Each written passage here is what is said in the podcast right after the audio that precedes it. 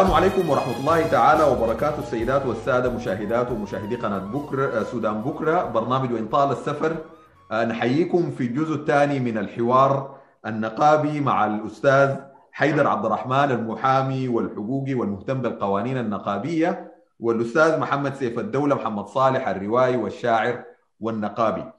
آه مرحبا بكم أستاذ محمد سيف الدولة وأستاذ حيدر. أستاذ حيدر ختمنا الجزء الأول من الحوار آه ب يعني بداية الحديث عن ال يعني عن ال يعني القانون آه مشروع القانون مشروع قانون نقابات العاملين آه المطروح حسي للنقاش وعلاقته بالمبادئ مبادئ الحركة النقابية.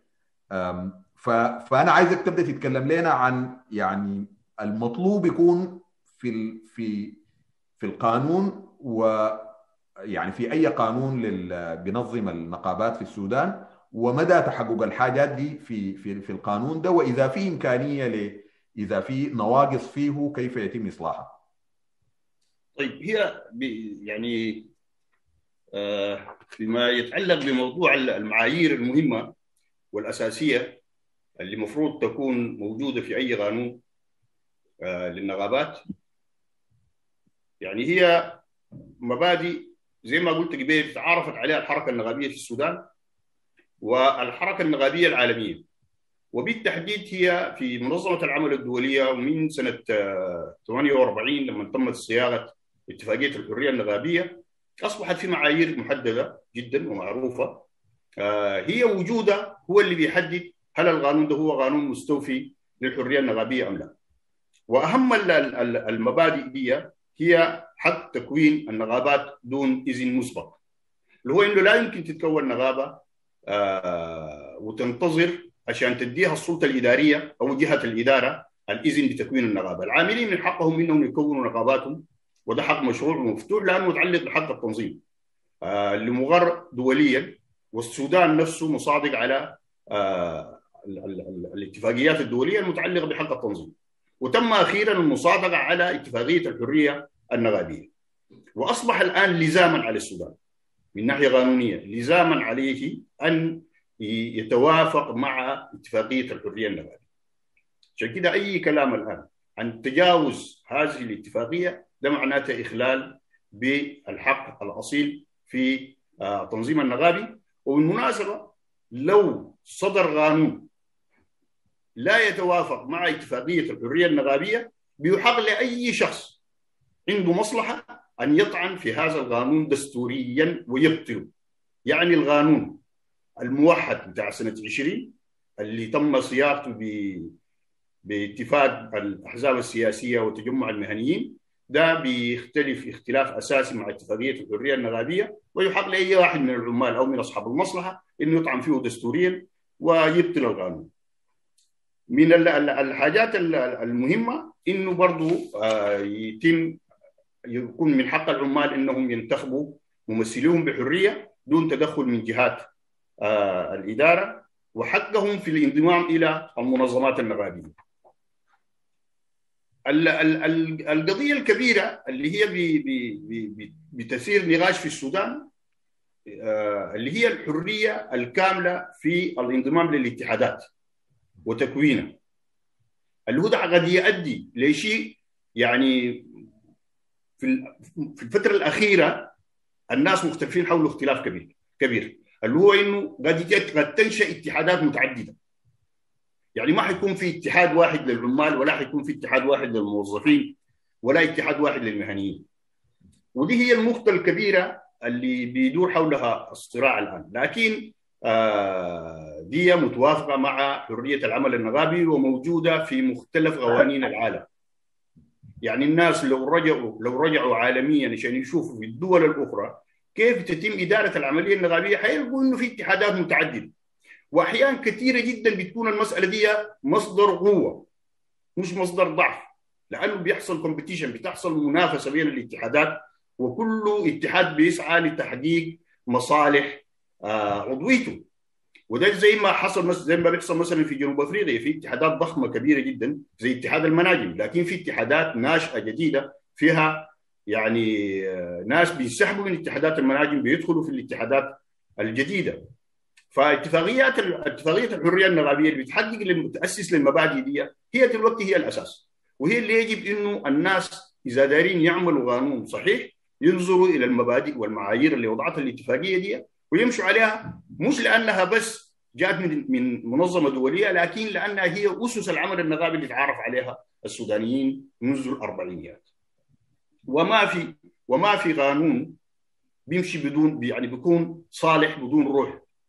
الروح بتاعت القانون هي الفلسفة اللي بيتوخوها الناس لأجل صياغة القانون.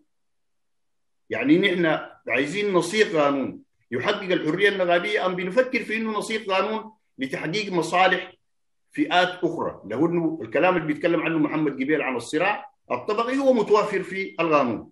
هو لأنه ما في قانون محايد يعني ما في قانون بيصاغ وهو عنده حياد بالكامل عن الاصطراع الحاصل في المجتمع. فكل قانون بيمثل آه وجهة نظر معينة وبيمثل المصالح بتاع جهات معينة. ولذلك إنه من حق الحركة النغابيه ان تتمسك بقانون يحقق مصالح آه العمال والعاملين ويكون عنده يكون متوافر فيه المعايير الأساسية والرئيسيه اللي بتحقق حرية العمل النغابي.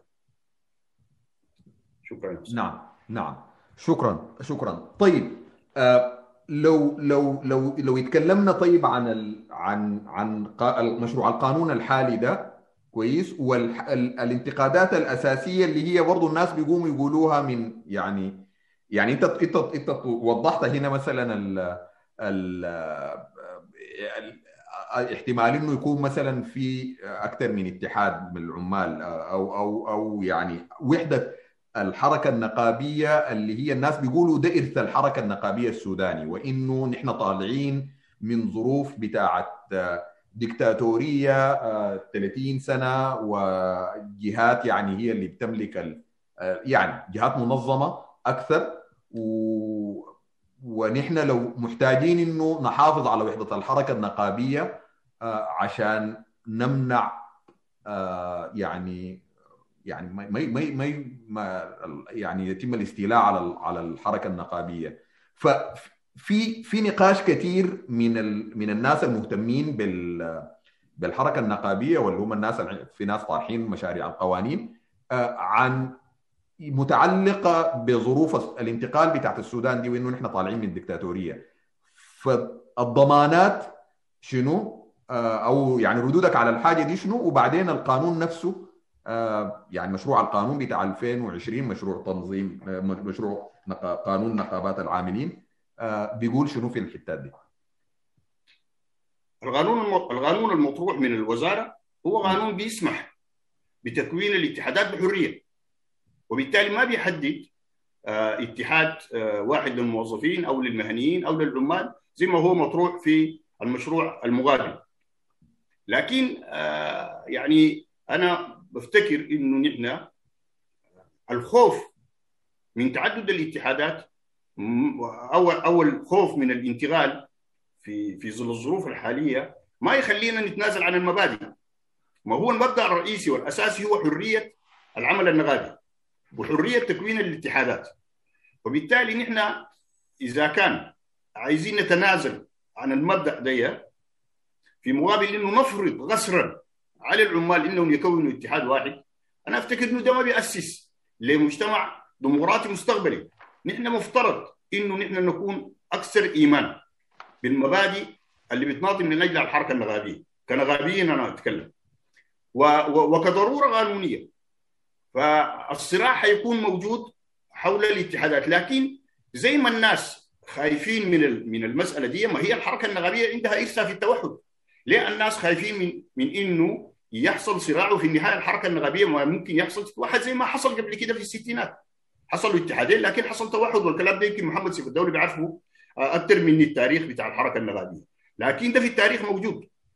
فأنا أعتقد إنه الحركة النغابيه عندها القدرة بنفسها إنها توحد نفسها بنفسها. إذا كانت هي اختارت إنها تعمل اتحاد واحد طوعا ما في شيء بيخلينا نحن نصر على يعني كتابته قصرا في القانون. أو إذا اختارت هي التعدد ده ما بيخيف الناس. الحركة النغابيه بالمناسبه اتغيرت في السودان. أو الواقع واقع العمال وواقع العمل في السودان اتغير. الناس اللي بيتكلموا عن الكلام عن اتحاد عمال واحد واتحاد موظفين واحد دي الناس بيتكلموا عن الستينات والسبعينات. لكن اليوم في توسع كبير جدا في الحركة في في في الواقع بتاع العمل. يعني قوة العمل أصبحت ضخمة وكبيرة. فأنت من الصعب جدا في في الوقت الراهن إنك تخسر الناس باتحاد واحد في في للعمل للعاملين سواء كان للموظفين أو للمهنيين. إضافة لواقع التعدد في السودان نفسه. يعني نحن نحن لنا فترة من الثمانينات بدينا نناقش في انه السودان ده بلد متعدد الأعراق والديانات والثقافات وبالتالي هو متعدد في كل شيء. فده ما يمنعنا من إنه نحن نقبل بالتعدد في الحركة في الحركة النغابيه إضافة للنظام الفيدرالي يعني النظام الفيدرالي نفسه بيفرض علينا برضه نفس الشكل اللي هو برضه لأنه شكل متعدد. ففي في كمية من من المؤشرات بتقول إنه حرية العمل النغالي مقبولة. وحرية تكوين الاتحادات مقبوله وما في خوف. أنا في اعتقادي إنه ما في خوف. سواء يتكونوا اتحادين أو ثلاثة دول ما حيكونوا مصدر ضعف للعمل النغابي بالعكس حيكونوا مصدر قوة للعمل النغابي لأنه هم حتكون في أكثر من جهة بتضغط لأجل مصالح العاملين. لأنه الأساس في في المسألة دي ما هو الناس اللي بينظروا للوحدة دي بينظروا لها من منظور سياسي وليس من منظور نغابي دي المشكلة هنا. لأنه الناس دارين يحافظوا على النظام السياسي. مش دارين ما بيفكروا في موضوع الحرية النغابيه هي في الأساس هي حرية نغابيه وليست عمل سياسي. وطبعا ده ما بيعني إنه النغابات لا تحتك أو لا تتلاغى مع العمل السياسي. لكن أنا في اعتقادي إنه المبدأ الأساس هو يجب أن يسود اللي هو حرية العاملين في تكوين اتحاداتهم. وده حق مشروع. نحن بالواقع بالدستور ما عندنا طريقة نتجاوزه. يعني حتى اليوم لو فكروا الناس في إنه يقولوا في قانون نقصر الناس قصرا على على اتحاد واحد للعمال واتحاد واحد للموظفين زي ما قلت قبل ببساطة شديدة جدا أنا لو اغنت طعني دستوري ممكن أبطل هذا القانون. نعم. طيب في نقطة ثانية وأستاذ محمد حنرجع لك في لتوضيح السياق التاريخي للكلام أستاذ حيدر ده لكن أنا في نقطة ثانية برضو مهمة وأنت عارفها اللي هو مثلا برضو العنوان الكبير بتاع قانون المنشأة أو نقابة المنشأة مش القانون نقابة المنشأة. يعني الناس بيلخصوا قانون الوزارة بإنه ده قانون نقابة المنشأة وإنه ده كده مواصلة. طيب نحن ليه انقلبنا على نظام البشير وما نحن أصلا بننتقد نقابة المنشأة؟ وإنه آه لا المقابل بتاع الحاجة دي هو نقابه قانون نقابة النقابة الفئوية وده هو مشروع المشروع الثاني المطروح يعني. رأيك في الحاجة دي؟ رأيك اولا في الاثنين يعني نقابة الفئة ولا نقابة المنشأة؟ و و وبعدين من ناحية قانونية تكييف الحاجة دي. هو هو زي ما أنا قلت أنا دائما برجع للمعايير. وفقا للمعايير يعني الأسس اللي بتتكون عليها النغابه تكون بها النغابه ما في حاجة اسمها نغابه منشأة ولا في حاجة اسمها نغابه فئوية. في نغابه بيختاروها العاملين سواء كانت على أساس مكان العمل اللي هي المنشأة أو على أساس القطاع أو الصناعة أو الفئة أو كذا. هو الخيار في الآخر هو خيار للعاملين. ومسألة المنشأة في في في زمن الإنغاز كان العيب الرئيسي فيها إنها بتجمع بين صاحب العمل والعامل في نغابة واحدة أو بين ممثلي أصحاب العمل والعاملين في نغابة واحدة وده كان بيؤدي لإنه النغابه تفقد دورها الأساسي. لانها هي بتنظم العلاقة بين المخدم والعاملين. فإذا كان تم استبعاد هذا العيب نغابة المنشأة لا يعني ينال أي عيب. وهي ليست شر مطلق. زي ما بيقولوا الناس الناس اليوم هم بيفتكروا إنه أي واحد يتكلم عن نغابه المنشأة كأنك أنت ارتكبت كارثة كبيرة جدا. وده طبعا كلام أنا أنا قلت إنه هو يعني نابع عن عدم وعي أو تعصب بمواقف سابقة بدون دراسة وتغصي حقيقي لأصل المسألة. نغابة الفئة مشروعة ونغابة المنشأة مشروعة وقانون الوزارة الحالي لا يؤسس نغابة المنشأة ولكن يعطي حرية العمل النغابي الحق الكامل في حرية العمل النظري من حق العاملين المهندس والعامل والموظف والطبيب الأربعة اللي شغالين في مصنع واحد من حقهم إنهم يكونوا نغابة. طالما إنهم هم في المصنع ده نغابتهم بتحقق مصالحهم الأربعة. يعني ناس كثيرين جدا بيفتكروا واحدة من العيوب إنه ما ممكن الطبيب والممرض يكونوا في نغابة واحدة. وده كلام ما صحيح. ما أحيانا كثيره جدا بتكون في مصالح مشتركة بين الطبيب والممرض والعامل في المستشفى المعين والموظف. فهل نعزل. وده, وده, نفسه ضرب لحريه لوحدة الحركة النغابية. إذا أنت داير تفتت الحركة النغابية بالشكل ده تخلي نغابة الأطباء يعني منفصلة عن نغابة العاملين والموظفين وما يلتغوا في أي عمل. ده كلام ما صحيح. الصحيح إنه تترك للعاملين حرية اختيار شكل نغاباتهم. ولذلك نغابة المنشأة هي ليست عيب كامل يعني. هي زيها وزي نغابة الفئويين إذا اختاروا العاملين إنهم يكونوا نغابه حسب المنشأة حسب مكان العمل زي ما منصوص عليه في القانون ده ما بيسموها المنشأة لأنه هم حتى خايفين من اسم الكلمة ما عايزين يقولوا المنشأة فمسمينها مكان العمل. فإذا اختاروا الناس أن يكونوا نغابتهم على أساس مكان العمل ده حق مشروع ومقبول دستوريا وقانونيا. بنفس المستوى إذا كان للمهندسين حق في تكوين نغاباتهم أو للأطباء حق في تكوين نغابتهم الفئوية اللي بتحقق مصالحهم هم كفئة دون أن يتعارض. ده ما بيتعارض. مع حقهم في تكوين نغابات أخرى يعني من من من حقهم أن يكونوا أعضاء في النغابة الفئوية وأعضاء في نفس الوقت في نغابة المنشأة اللي هي مكان عملهم. وده بيحقق مصالح لجميع الناس. القانون هو بالشكل ده وأنا أفتكر إنه هو بالشكل ده بيحقق الحرية النغابية الأساسية. ولا ولا ولا يشكل أي ضرر للعاملين. ولا يشبه مطلقا قانون 2010 اللي بيتكلموا عنه الناس. نعم. نعم. طيب شكرا أستاذ حيدر. أستاذ محمد سيف الدولة طيب لو لو لو ألقيت لنا الضوء بصورة سريعة كده على التجربة بتاعت الستينات بتاعت اللي هي إنه في أكثر من اتحاد كان وبصورة طوعية تم توحيده. أيوه هي هي المسألة دي عندها خلفية.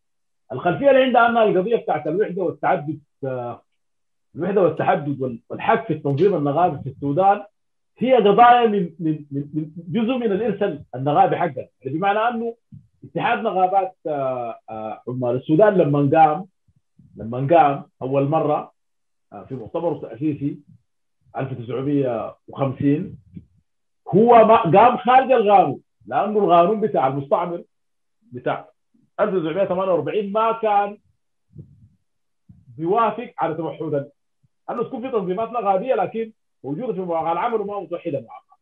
قام الاتحاد وظل غير مسجل. يعني من 1950 لغاية ما بعد الانتفاضة لغاية ما أقصد ما بعد الثورة بتاعت أكتوبر. دي حاجة أولانية. أنه الوحدة ذاتها الوحدة ذاتها هي كانت خارج القانون يعني الوحدة بتاعت الاتحاد كانت خارج القانون القانون حق 1966 هو أباح الكلام اللي قاله الاستاذ حيدر. كان في تعدد حاصل في البنيان النغابي كان في البنيان النغابي قائم على أساس الفئه وكان في البنيان النغابي قائم على غير كده. كان في اتحادات. كان في اتحادين. كان في اتحاد بتاع عمال القطاع الخاص كان في اتحاد بتاع عمال القطاع العام. وحصل لانها قضيه الوحده والتعدد هي ذاتها. قضية فكرية تنظيمية. ما هي الوحدة دي لشنو؟ الوحدة دي من أجل تحقيق المصالح المشتركة بتاعت الناس الشغالين مع بعض. فرضها بالقانون لا يعني أنك أنت يعني اطمأنيت لأنه حتتحقق مصالح الناس. لو ما هي المسألة دي كانت ضرورة والضرورة تم عمل بها. فتم تجاوزها. يعني حتى لما حصل الانقسام بشغل تم في الانتخابات آه من خلال القواعد تم تصحيح الوضع والناس يتوحدوا حتى الوحدة حصلت بعد ذاك حصلت بناء على الرغبة الطوعيه بتاعت الناس. عشان كده لما نجي نعاين القضايا بتاعت الوحدة والقضايا بتاعت التعدد لازم نقول نعاين لها من الباب ده. في حاجة أنا لازم قال الدكتور حيدر بدأ توسع فيها بس بسيط. ان إحنا لما نجي نعاين للنغابات في السودان حقه لما نجي نعقد مقارنه ما بين ما قبل الانغاز وما هسه حقه نقوم نعاين يعني مثلا الأطباء مثلا الأطباء. الأطباء كانوا 4000 لما قبل الإلغاز. الأطباء الآن 70000 فاحنا لما نعاين الأطباء نعاين طوالي لحاجه ثانية. لما نعاين العاملين نعاين لحاجة ثانية. السياسات التشغيليه والمخدم. الحكومة ما عادت هي المخدم. الأول. نعم. والحكومة هي ذاتها بقت متنازله حتى من دورها ما يتعلق بالاستخدام أنها بقت تدير وكالات ثانية. ده عنده علاقة بالسياسات بتاعت الليبراليه الجديده ده كلام أنا ما أقدر أقول نحن زمان كان المخدم الأكبر هو الدولة. لما نعاين قطاع الأطباء فوق 70000 هم الأطباء حتى ما موجودين مع مخدم واحد. هم الأطباء حتى التخصصات حقاتهم مختلفة جدا. هم الأطباء حتى ما موجودين داخل السودان. يعني داخلين دا موجودين داخل السودان وخارج. الاتحاد أو النغابه العامة. الاتحاد أو النغابه العامة. الناس حقه لما تقوم تنظر مع المتغيرات الضخمة جدا اللي التركيبه بتاعت العاملين بشكل عام بأنه نحن يا جماعة ما عايزين نحن ما ماشيين عشان ننظم مليون و200 ألف؟ نحن ماشيين ننظم بنبض الثوره دي 9 مليون أجير؟ هم ما موجودين في القطاع العام ولا موجودين في القطاع الخاص موجودين في القطاعات الغير رسمية. لأنه في علاقات حقات عمل ما كانت موجودة هسه موجودة ومش ما مش موجودة وسط العمال موجودة حتى وسط المهنيين. في حاجة اسمها البنجلة؟ كلكم سمعتوا بها. ده دي علاقة حقت عمل كاملة وغير رسمية موجودة في قطاع غير رسمي. فإنت لما تجي تقوم تعاين للقضايا المتعلقة أنا أنا الكلمة دي ما سمعتها يا أستاذ محمد سيف الدولة كده. ممكن شنو؟ البنجلة. البنجلة. في حاجة أيوه. في صيغة بتاعت عمل في السودان اسمها البنجلة. البنجلة دي هي شنو؟ البنجلة في انه يكون في زول مثلا طبيب أسنان شغال في عيادة خارجية. قوم الطبيب بتاع الأسنان ده لأنه لقى له شغل مثلا في في مستشفى بقروش أفضل وهو فاهم أنه الشغل في المستشفى ده ما حيستمر لأكثر من ثلاثة شهور عايز يحافظ على العيادة الشغال فيها دي يقوم يجيب واحد ثاني يبنجي البدل في الحتة دي مع انه هم يقوم يقسموا يعني ممكن ما يقسموا ممكن على الأقل يحفظ له حقه في اليوم اللي هو فوقه. تنتهي. شغلته هناك يجي راجع في صيغه موجوده فالطابع حق العلاقات حقت العمل العلاقات حقت الاستخدام واستعداد بتاع الطبقه العامه للمخدمين والعاملين اختلفت. السؤال اللي بيطرح روحه النغابه العامه والاتحاد يعني لا نقوم نتكلم عن المعدنين الأهليين المنتشرين في كل بقعة من السودان. هل ممكن إحنا ننظمهم بنغابه عامة؟ النغابة العامة ما عندها ما عندها limit ال limit حقها رابطة النغابة العامة كأنها بتتعامل داخل القطاع. هل القضايا بتاعت الاطباء الليلة ممكن تعالجها وزارة الصحة ال 70000 ديل ولا هم بالضروره عندهم؟ المفروض يكون عندهم تعامل حتى على المستوى بتاع الوزراء مثلا. وعندهم الحق أنهم يتفاوضوا حتى مع مخدمين خارجيين أو مخدمين خارج إطار المستشفيات مثلا. ومع نغابات مكونة خارج إطار بلد السودان يعني. المعدلين الأهليين. هم ممكن يكونوا بيتعاملوا مع مخدمين زي الشركة الروسية الأسلحة الاضراب فوقها. دي ماخذة أكبر امتياز للبحث عن الذهب في السودان بتطلع 12 كيلو في اليوم. ودي شركة الدول الإقليمية جارية لما تحفى عشان تشتري الامتياز حقها. هل إحنا دايرين للمعدلين الأهليين والمعدلين الموجودين في القطاع الموظف أنهم يكونوا يكونوا نغابه عامة؟ ممكن الاستعداد حقهم؟ مع ناس البترول يحصل مليون استعداد الناس الشغالين يكون مليون. الأشكال التنظيمية ابتداء من النغابة. الحركة النغابية فتتت الالغاز لأنها رفعت الحد الحد المؤسس للتنظيم النغابي عشان كده اضطرت زي ما نميري عمل الفرعيه يتفرع من أصل هيئة فرعية هيئة نغابيه دي الفلسفة اللي بيتكلم عنها حيدر لما جاءت الالغاز فتتت التنظيم النغابي لدرجه الوحده وخدت كل السلطة فوق. الصراع الدائر ما بين القانونين الاثنين دي يعني أنا أنتقل للقضيه بتاعت ليه الناس دي بيوصموا القانون حق الوزارة لأنه هو قانون منشا وهم يعلموا أنه هو ما قانون منشا وكذا هو ما قانون فئة. وأنه المنطق مردود. أنت لما تقوم تقول أنه التجربة الوطنية هي في الآخر اختارت نغابه الفئة ما راح أسألك. التجربة الوطنية اللي اختارت نغابه الفئة دي مش اختاروها ناس؟ مش اختاروها ناس؟ الناس ما في ما ما ما حتة. الناس ما في. اللي هم بالتجربه الوطنية يختاروا نغابه الفئة موجودين. أديهم الحق حيختاروا لك نغابه الفئة. ما خلاص القضية محلول المشكلة في شنو يعني؟ أنت خايف من شنو؟ خايف من أنه بعض الناس ممكن يكون ما عندهم امكانيه غير أنه يعملوا النغابه بتاعت موقع العمل يعملوها دي ما قضيتك لا أقدر أقوله أنه الصراع ما بين القانونين ما قايم على ده.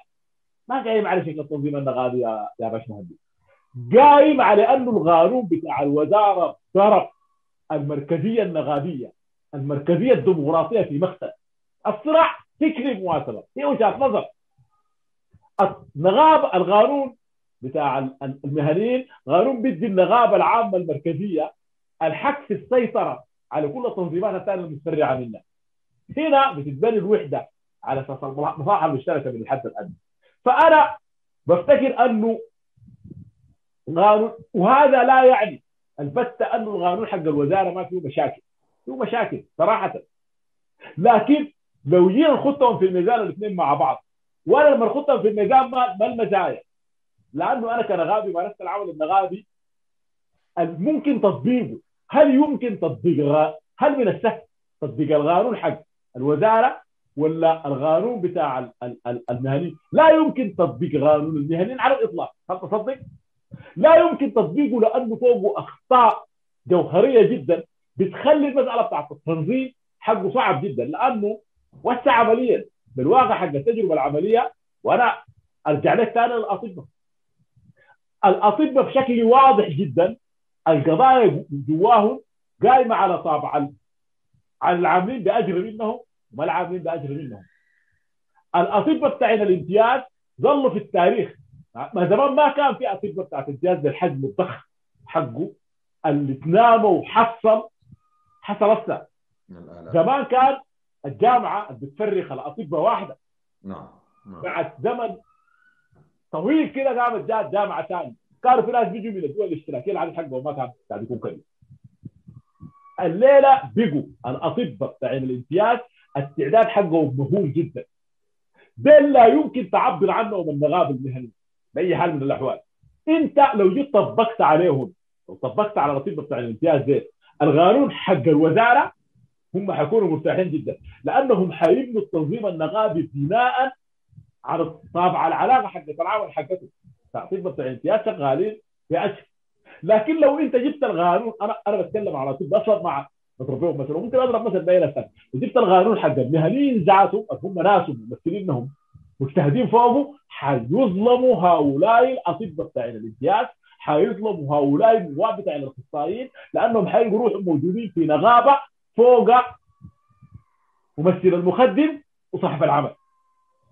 الصراع كله داير حول أنه الصراع كله داير حول أنه تجمع المهنيين نفسه كتنظيم نغابي هو يجمع ما بين المخدمين وما بين أصحاب وما بين الأجراء. ويدي الحق لاصحاب العمل كأنهم هم يتحدثوا حول القانون بتاع الاجراء ودي أزمة. بصراحة. عشان كده أنا كنت بتكلم لك حول أنها هي صراع. أساسا صراع طبيعي أنا كنت بقصد بالمساله دي. القانون القانون ده لازم لازم يستوعب المتغيرات اللي حصلت دي. لازم يفهم أنه أي قطاع من القطاعات الموجودة دي هو بقى فوقه تنوع بشكل مبالغ متعدد بشكل مبالغ فوقه. وأنه ما يخشى الوحدة. ما يخشى الوحدة. ما يخشى ال ال الوحدة لأنه ما بيحصل تفتت. هم يفتكروا أنه القانون ده يفتت. القانون ده لا يفتت. لأنه واحدة من الدروس اللي بيتعلموها الأجرة. العاملين بأجر. وبيتعلموها العمال أنه هم لا يمكن يبقوا أقوياء ما لم أنهم يتوحدوا بشكل أو بآخر. لكن خلوا وحدتهم تقوم على أساس المصالح المشتركه خفف التنظيم الفوق. يعني انت قدر ما تطلع لفوق قدر قدر ما يكون التنظيم الفوق قايم على المصالح المشتركة قدر ما تكون حتى التكلفة المالية بتاعته وأنا ضربت لك مثلا بالمساله دي قبل كده. قدر ما تكون التكلفة المالية حقته بتاعت اداره عمل هي أخف وتركيزه على القضايا دار يشتغلها بيكون محدد ومركز. وممكن كلام قالوا آآ آآ أستاذ أنا موجود هنا. يعني أنا موجود هنا في مجال عمل في مجال العمل ده في تنظيمين نغابيات لو انت شفت التنظيمين النغابيات دي كلمة الاجتهاد القعدات الزلمة. يعني أنا عندي الخيانه وأنا اشتغلت في شغلي ده اللي هو تقريبا في 2008 لغاية الليلة المسألة دي مرت على 12 سنة. في ال 12 سنة دي انتقلت أربع مرات. وأنا زول نغابي تنظيمين النغابيين الحالة حقت الانتقال من تنظيم نغابي لتنظيم نغابي لما تمشي لفوق هم متوحدين ما في أزمة. لكن هنا كل المسألة قايمة على الميزات الأفضل. الكلام اللي قالوا أنا ما بقول الكلام ده يحصل في بلدنا لكن أنا بقول في أنه واحدة من الاشتراكات الضخمة حقتنا أن إحنا اللي هي السيطرة على المنصب. تحول العمل النغابي نفسه مش لأداة نضاليه ثورية. تحول إلى حاجة ثانية مختلفة من المساله زي دي. انفصاله من جمعيات العمومية. القانون بتاع النغابات اللي ضد الحق ده بتاع أنه العلاقة قوية جدا ما بين الجمعية العمومية كونت النغابه ودتها الشرعية النغابيه وما بين النغابه العامة اللي تكونت مش تفرعت. اللي لأنه اللغة مهمة جدا. اللي تكونت من مجموعة التنظيمات النغابيه دي عندها علاقة قوية جدا بالمؤتمر العام. هذه النغابه الأقوى. وهكذا الاتحاد اللي عنده علاقة قوية جدا بنغاباته العامة كونته؟ وهذا الاتحاد القوي. والاتحاد العام اللي عنده علاقه قوية جدا. بالاتحادات المكونه ده اتحاد قوي جدا. نحن لن يضرنا البتة. نحن كل ما يهمنا في القانون بتاع النغابات القضايا دي اللي اشار لها آآ آآ هاي طبعا القضايا ما موطنه يعني الكلام اللي بيتقال ده ما كلام تم بتوطينه ما جايين من بران لو عاينا التجربه حقتنا تحت الصراع ذاته حول السلطة بتاعت النظام ده. لغاية اسقاطه واسقطت بشنو؟ اسقطت بتنظيمات جاي مع ال... جاي من القاعدة. اللجان حقت المقاومة جاي من القاعدة.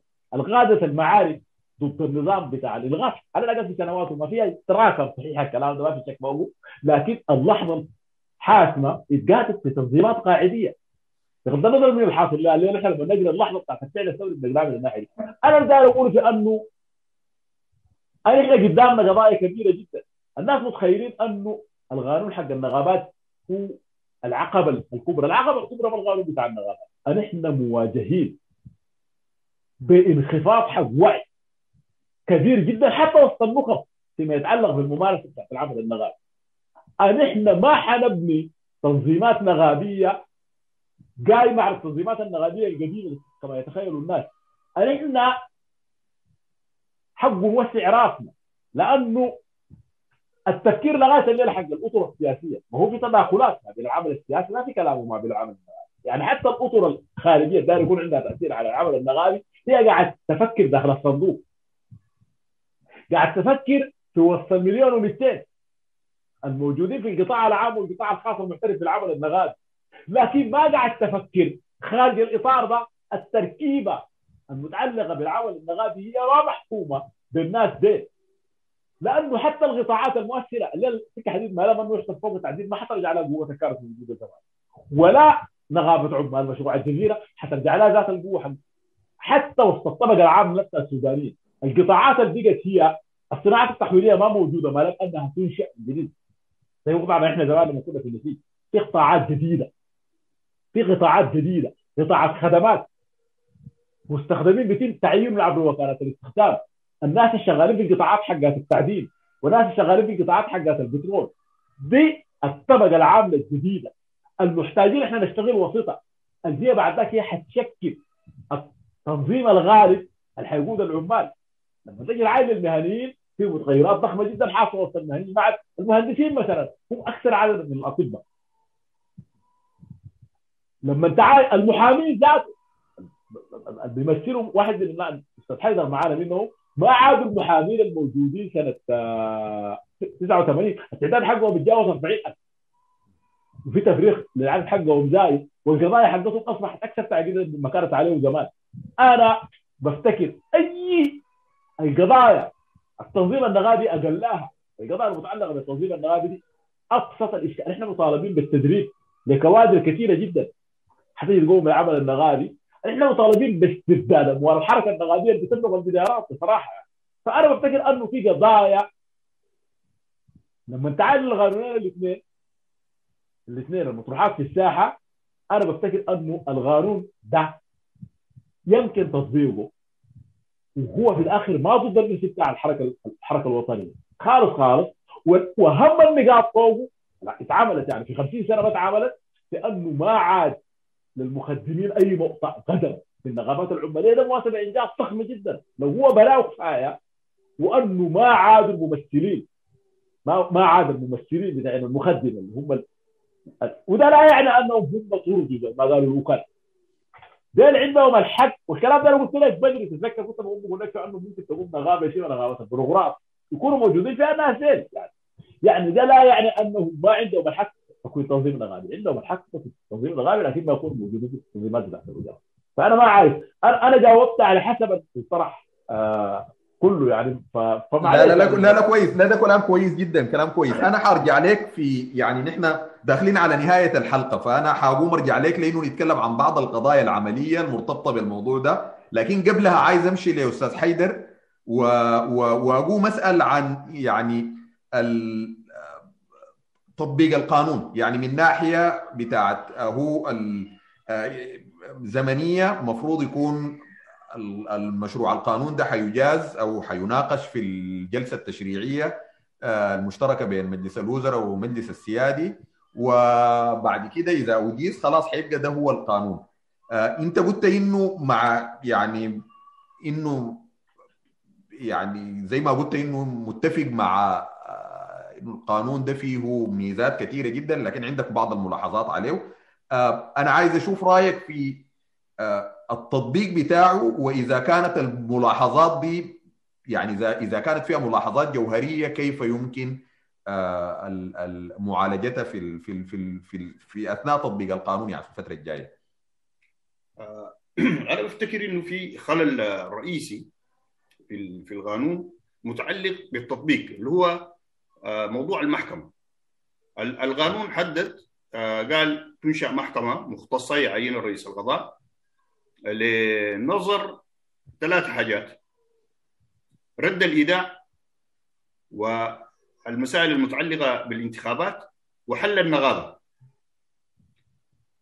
وترك بقية المسائل النغابيه بدون حق الطعن اللي هو أصبحت ما في محكمة بتنظر مثلا لو في نغابه فصلت عامل ما من حق النغابات إنها تحاسب العضو وتفصله باعتبار إنه هو عضو في منظمة. طيب إذا كان العضو ده تم فصله وأكدت الجمعية العمومية على فصله يمشي وين؟ هل لا يحقق ما ممكن تكون الجمعية العمومية مخطئة وممكن تكون اللجنة التنفيذية مخطئة. لكن من المفترض إنه تكون في محكمة تنظر هذا النوع من الطعون. ده ما موجود في في القانون. وأنا أعتقد إنه ده من ناحية التطبيق هيعمل خلل كبير. مثلا المسائل المتعلقة بالاضراب. الاضراب تم النص عليه في القانون حق مشروع ولكن حددوا خطوات يجب اتباعها مسبقا قبل أن انه النغابة تتخذ حقها في الاضراب. إذا حصل خلاف بين المخدم والنغابة حول الاضراب ما حتكون في جهة.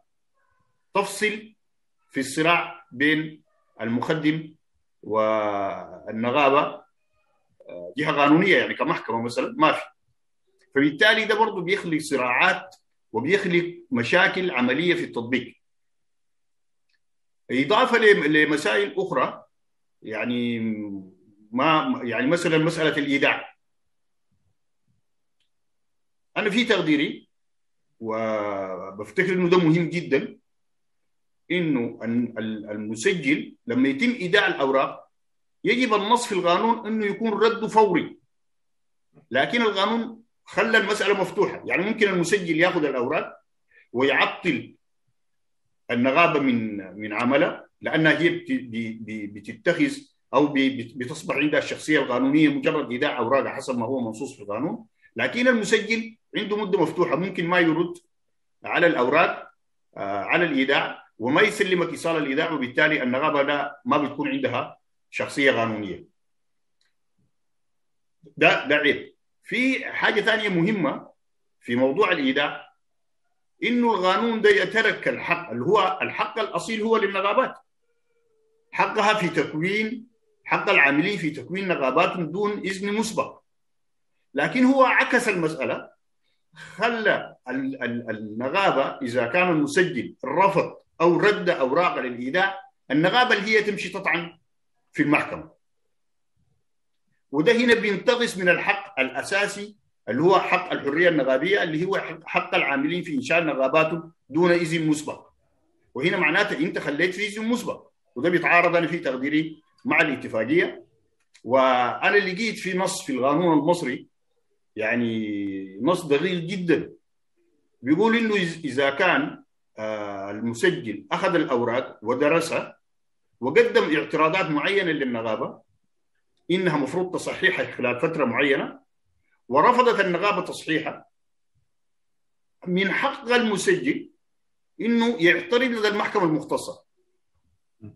هنا نحن عكس عندنا في القانون بتاعنا الاعتراض بيحصل من النغابه وبالتالي انت بتعطل عمل النغابه لفترة طويلة جدا خلال فترات التقاضي اللي هي ممكن تكون ممتدة وتكون ضيعت على العاملين حقهم في تكوين نغاباتهم بحرية. ده, ده جزء من الأشياء في في في القانون هي حتظهر في التطبيق العملي وحتسبب مشاكل في المستقبل وقد تصل وقد تصل إنها تكون فيها طعون دستورية. إذا كان المحامين اشتغلوا بجد في الموضوع. نعم نعم نعم. كويس. لكن عايز أسألك برضو عن ملاحظة أستاذ محمد سيف الدولة هنا عن إنه التطبيق من ناحية التطبيق أنت في رأيك إنه القانون ده قانون العاملين لسنة 2020 يمكن تطبيقه يعني بصورة واقعية أكثر من قانون تنظيم نقابات العاملين تنظيم ال أيوه تنظيم قانون القانون الموحد القانون الموحد أيوه. نعم. أنت متفق في في الوجهة دي يعني هو هو بالفعل هو بالفعل لأنه زي ما قال محمد وزي ما أنا قلت قبل إنه التغير الكبير جدا اللي حصل في تركيبة العمل في السودان. ده بي بيختلف لأنه القانون اللي تم صياغة القانون الموحد هو نقل كامل لقانون 87 ده بيتكلم عن واقع قديم جدا. لكن الواقع الجديد اليوم هو من الأفضل إنه يتم تطبيقه وفقا للقانون ده لأنه هو قانون مفتوح وبيسمح للعاملين بأشكال مختلفة إنهم يكونوا نقاباتهم وما بيلزمون بشكل معين. ما بيلزمون بشكل معين زي ما هو موجود في القانون الموحد. اللي هو ما ما دارس الواقع المتغير والمتعدد في في في قوه العمل. نعم. طيب السؤال موجه لكم الاثنين لو في واحد عنده إجابة أو متابع أكثر أنا عايز اسال عن الدروس المستفادة من من التجربة بتاعت انتخابات الهيئة النقابية رئاسه جامعة الخرطوم.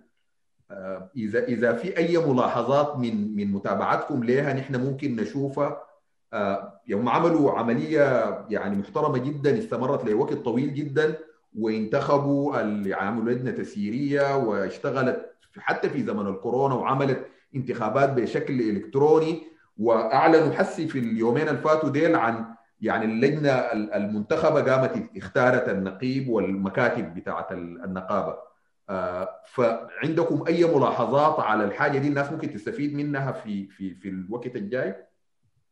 أنا يا حسام قلت كلام محدد يعني. أنا قلت أنه الناس لو عايزين يعاينوا للنماذج بتاعت الحريات النغابيه يعاينوا للتجربة بتاعت أستاذ جامعه الخرطوم وأنا لما نعاين للتجربه بتاعت الخرطوم بعاين لحاجه محددة فأنه أول حاجة اساتذه جامعه الخرطوم هم اختاروا شكل التنظيم النغابي أنه التنظيم النغابي حقهم يقوم على أساس الفئة. حددوا الحد الأدنى المؤسس في نظامه الأساسي للتنظيم النغابي بقى كل 20 أستاذ يفترض أنهم يكونوا ممثلين بنغابه في الهيئة بتاعتهم. دي مسائل مهمة جدا. أنهم النظام الأساسي حقهم هم اللي حددوا النظام الأساسي بتاعه. بمعنى أنه جابوا النظام الأساسي حصل الحوار حول النظام الأساسي. اللي هو النظام الأساسي دي اللوائح نظام دستور حق النغابة قعدوا فوقه تحاوروا فوقه بالحريات النغابية.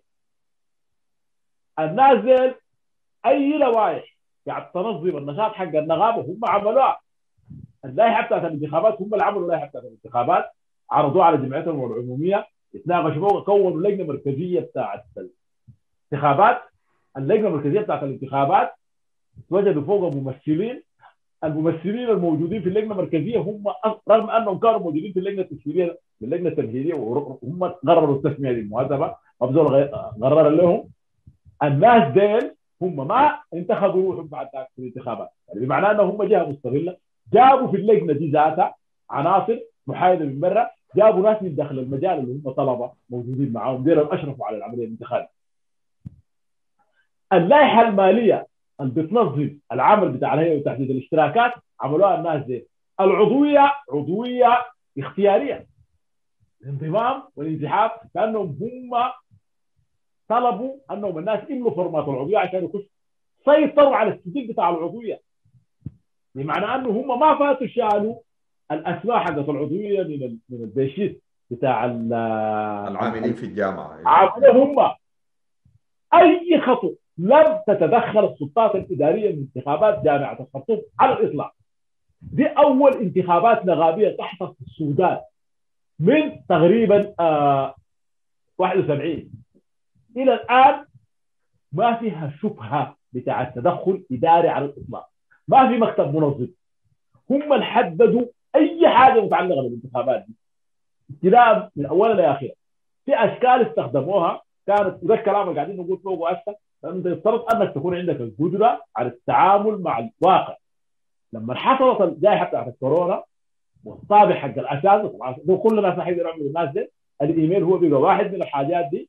الاختراع بقى اختراع ممكن يتم آآ آآ يعني يتم يتم اونلاين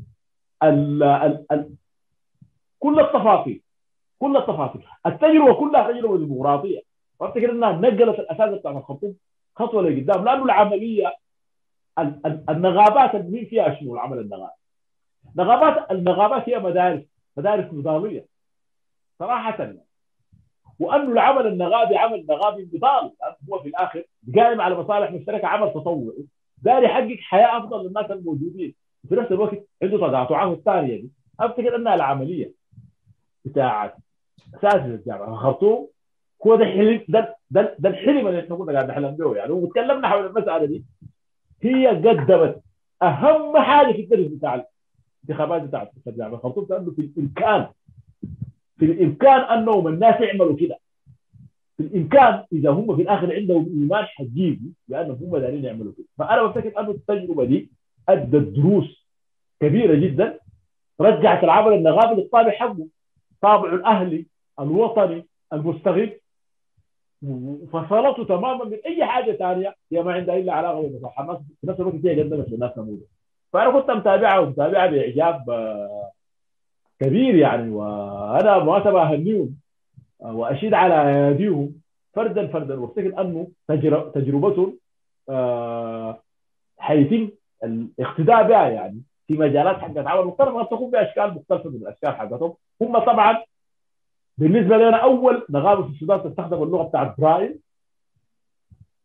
انتبهت حتى للمعوقين للناس اصحاب الاحتياجات الخاصة اللي هي دي واحدة من الإشكالات الموجودة عندنا نحن في السودان بشكل عام يعني. أصحاب الاحتياجات الخاصة ما في. يعني حتى التنظيمات اللي تفتكر روحها تنظيمات عظيمة ممكن تكون عاملة لها برنامج بس تكون منتبهة في أنه بيجوا ناس اصحاب احتياجات احتياجات خاصة تلقيتها استخدام اللغة بتاعت برايل دي أنا بفتكرها واحدة من الحاجات العظيمه جدا اللي كانت في الانتخابات وغيرها في حاجات تكون فقدت من الذاكره حتى التحيه له مره ثانية نعم نعم طيب طيب أستاذ محمد سيف الدولة سيف الدولة بالنسبة للواقع النق... يعني الواقع واقع العاملين الليلة ولحد ما يعني القانون يجاز أو لحد ما أنا ما اعرف هو التعافي بتاع الحركة النقابية هو يعني بالنسبة لك تعريفه شنو لكن القضايا الليلة الكبيرة الحاصلة دي لو أديتنا قراية ليها ويعني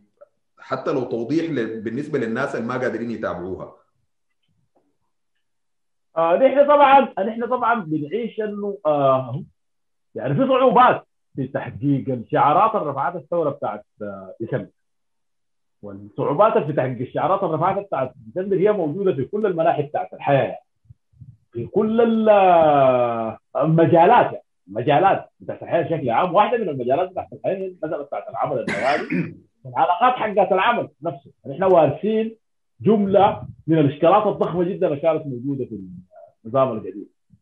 ان إحنا البيئة الحقوقية حقتنا سيئة جدا. يعني وهي مفرخة للروح حقت الإهدار والتعدي. ومش الحقوقيه المربوطة بالحقوق حقت العمل هي المربوطة بالحقوق حقت الحياة نفسها يعني. يمكن تكون الحكاية بتاعت الجسامين بتاعت مشرحة مدني دي واحدة من المآسي الضخمة جدا ما اهتزت لها شعره في راس حكومتنا الانتقالية. يعني يعني ما في حرج رسمي حتى تجاه القضايا اللي عندها علاقة مباشرة بالحياة. الموت الحاصل في أي حتة ناهيك من أنه العلاقات حقت العمل نفسها. الحاصل انه لأنه هو حيجي في يوم من الأيام يتقال كلام لما تتوصف الفترة دي لأن هي فترة كانت بتاعت اضطرابات وعدم استقرار في المجالات حقت العمل وكانت فوق عشرات ال ال ال ال الاضرابات الجنسيه. الواقع بالضبط الحاصل في مجالات العمل هو واقع مرفوض بشكل أساسي بالتكاليف حقت الحياة بالسياسات الاقتصادية بالسياسات التقشفية وبالقوانين المغيدة للحريات المربوطة بال... بال... بالحقوق حقت العمل بشكل عام. يعني يعني إحنا نحن في تعديات حاصله في مجالات العمل. لحقوق هي دستورية وبالقانون ومن مسؤوليه الدولة. يعني في ناس شغالين وهم ما عندهم حق التامين الاجتماعي. يعني المخدم ما بيدفع لهم تأمين اجتماعي يعني إحنا عندنا ناس شغالين وهم ما في رعاية صحية تامة لهم اللي دي واحدة من الحقوق اللي افترض انها تتم مراعاتها إحنا عندنا شغالين وهم آه ساعات العمل حقتهم ما آه ما ساعات عمل محددة ومعروفة يعني. إحنا عندنا ناس شغالين آه المبدأ المربوط بالأجر المساوي للعمل المساوي ما حاصل في مجالات بيكون فوق أجر بعينه ما بين رجال ونساء ما بين نساء ونساء ما بين رجال ورجال. في عشرات المشاكل الموجودة في مجالات العمل المختلفة في السودان اللي هي خلقت الحالة الموجودة اللي واحدة من أكبر الإشكالات اللي بقوا الناس مواجهوا بها حاجتين اثنين. هي القضايا المتعلقة بالمساله بتاعت الفصل. آه ولما نتكلم على قضايا الفصل التعسفي السودان قبل 50 سنة ما كان فوقه حاجة اسمها فصل. يتطور بعد ذاك بأنه بقى فوقه فصل. والعقوبة على الفصل كانت عالية لغاية ما وصلت الحال حقت الموجودة اللي في تشريد. جماعي قاعد يتم فيه عاده هيكله قاعد تتم زي القضية بتاع زين زين فصلت آه في بداية فبراير 75 موظف وموظف موظفة وعامل وعاملة فيما يسمى بالمسألة بتاعت عين الهيكله لو دخلت لموقع زين الرسمي زين واحدة من شركات الاتصال اللي تاثرت بالجائحه بتاعت الكورونا. وعندها ربحية عالية جدا من المسألة. إحنا اليوم بنتحدث في مشاكل حاصلة في المناجم بتاعت الشركة الروسية الموجودة في المحلية بتاعت حياه في إشكالات موجودة في ال في في في في, في, في البنك بتاع غطى فرع السودان زي ما أنا قلت. لك القضايا الفراغ النغامي عدم وجود. حماية اجتماعية حاصلة للناس. عدم التغيير في القوانين. لو ذات الواقع السودان عايشين على اسوء بعد الانتفاضة مخلي العاملين العاملين هم يواجهون التشريد الجماعي يواجهوا الظروف حقات الحياة المجحفه يواجهوا السياسات حقات الدولة التغشفية. جعلها مثلا بتاعت التعويم حق الجنيه اللي دي واحدة من الانعكاسات حقاتها حتكون أنه حيكون في مو في يعني كثير جدا من المحاولة لأنه المسألة بتاعت الاستثمار تكون موجودة في الخارج مع القضايا بتاعت الكورونا في إعادة بتاعت هيك حاصله في مناطق كثير وما في أي تمثيل. حاصل بالنسبة لنا. نتكلم انه الواقع الحالي. اللي بتعيشه الجماهير بتاعت الطبقه العامله في السودان. وجماهير العاملين باجر في السودان في كل القطاعات في كل القطاعات حتى في القطاع الحكومي نفسه هو ذا الوقت اللي بيحتاجوا فوق العاملين لأنه يكون عندهم منظمات نغابيه ديمقراطية قوية حاصل جواها في إحنا قادر فينا ندافع عنه وده للبلد برضه بنفس المستوى.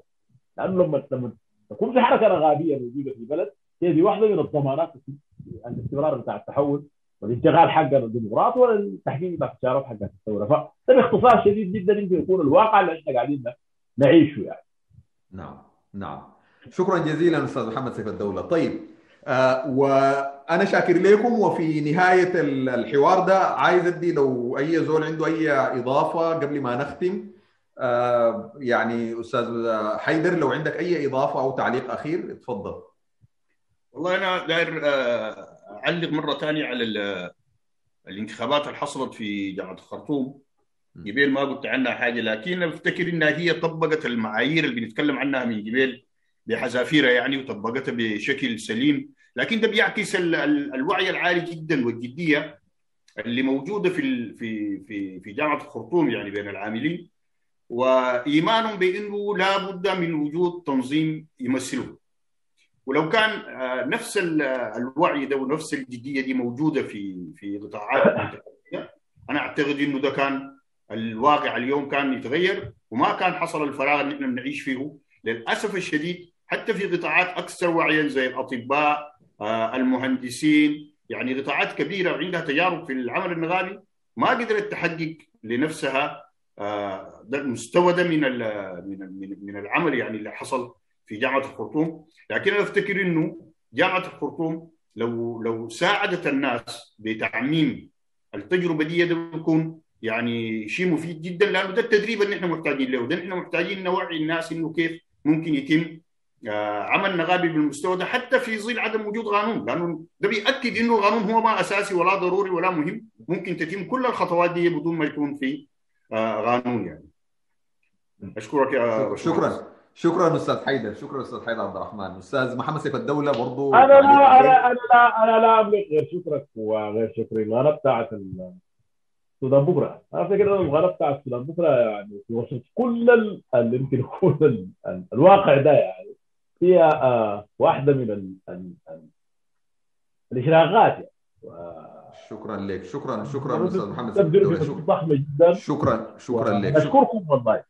شكرا لك شكرا جزيلا. أنا أنا شاكر لكم جدا الأستاذ محمد سيف الدولة آه، والأستاذ حيدر عبد الرحمن آه، يعني شكرا لزمنكم وشكرا لكل الحاجات اللي قلتوها علينا دي. عشان برضو أنا أكون مع للسيدات والسادة المشاهدين آه، نحن زي ما تكلمت في بداية الحلقة كانت الفكرة الأولى إنه نحن يكون في حوار في الزمن ده كان عن إنه محاوله إنه نصل ل يعني لحوار حول المشاريع القوانين الموجودة ويكون فيها ممثلين من تجمع المهنيين بالذات وبدينا لكن ما قدرنا نعرض الحلقة لأنه كانت المفروض تتبع بحلقات أخرى وما اتعملت.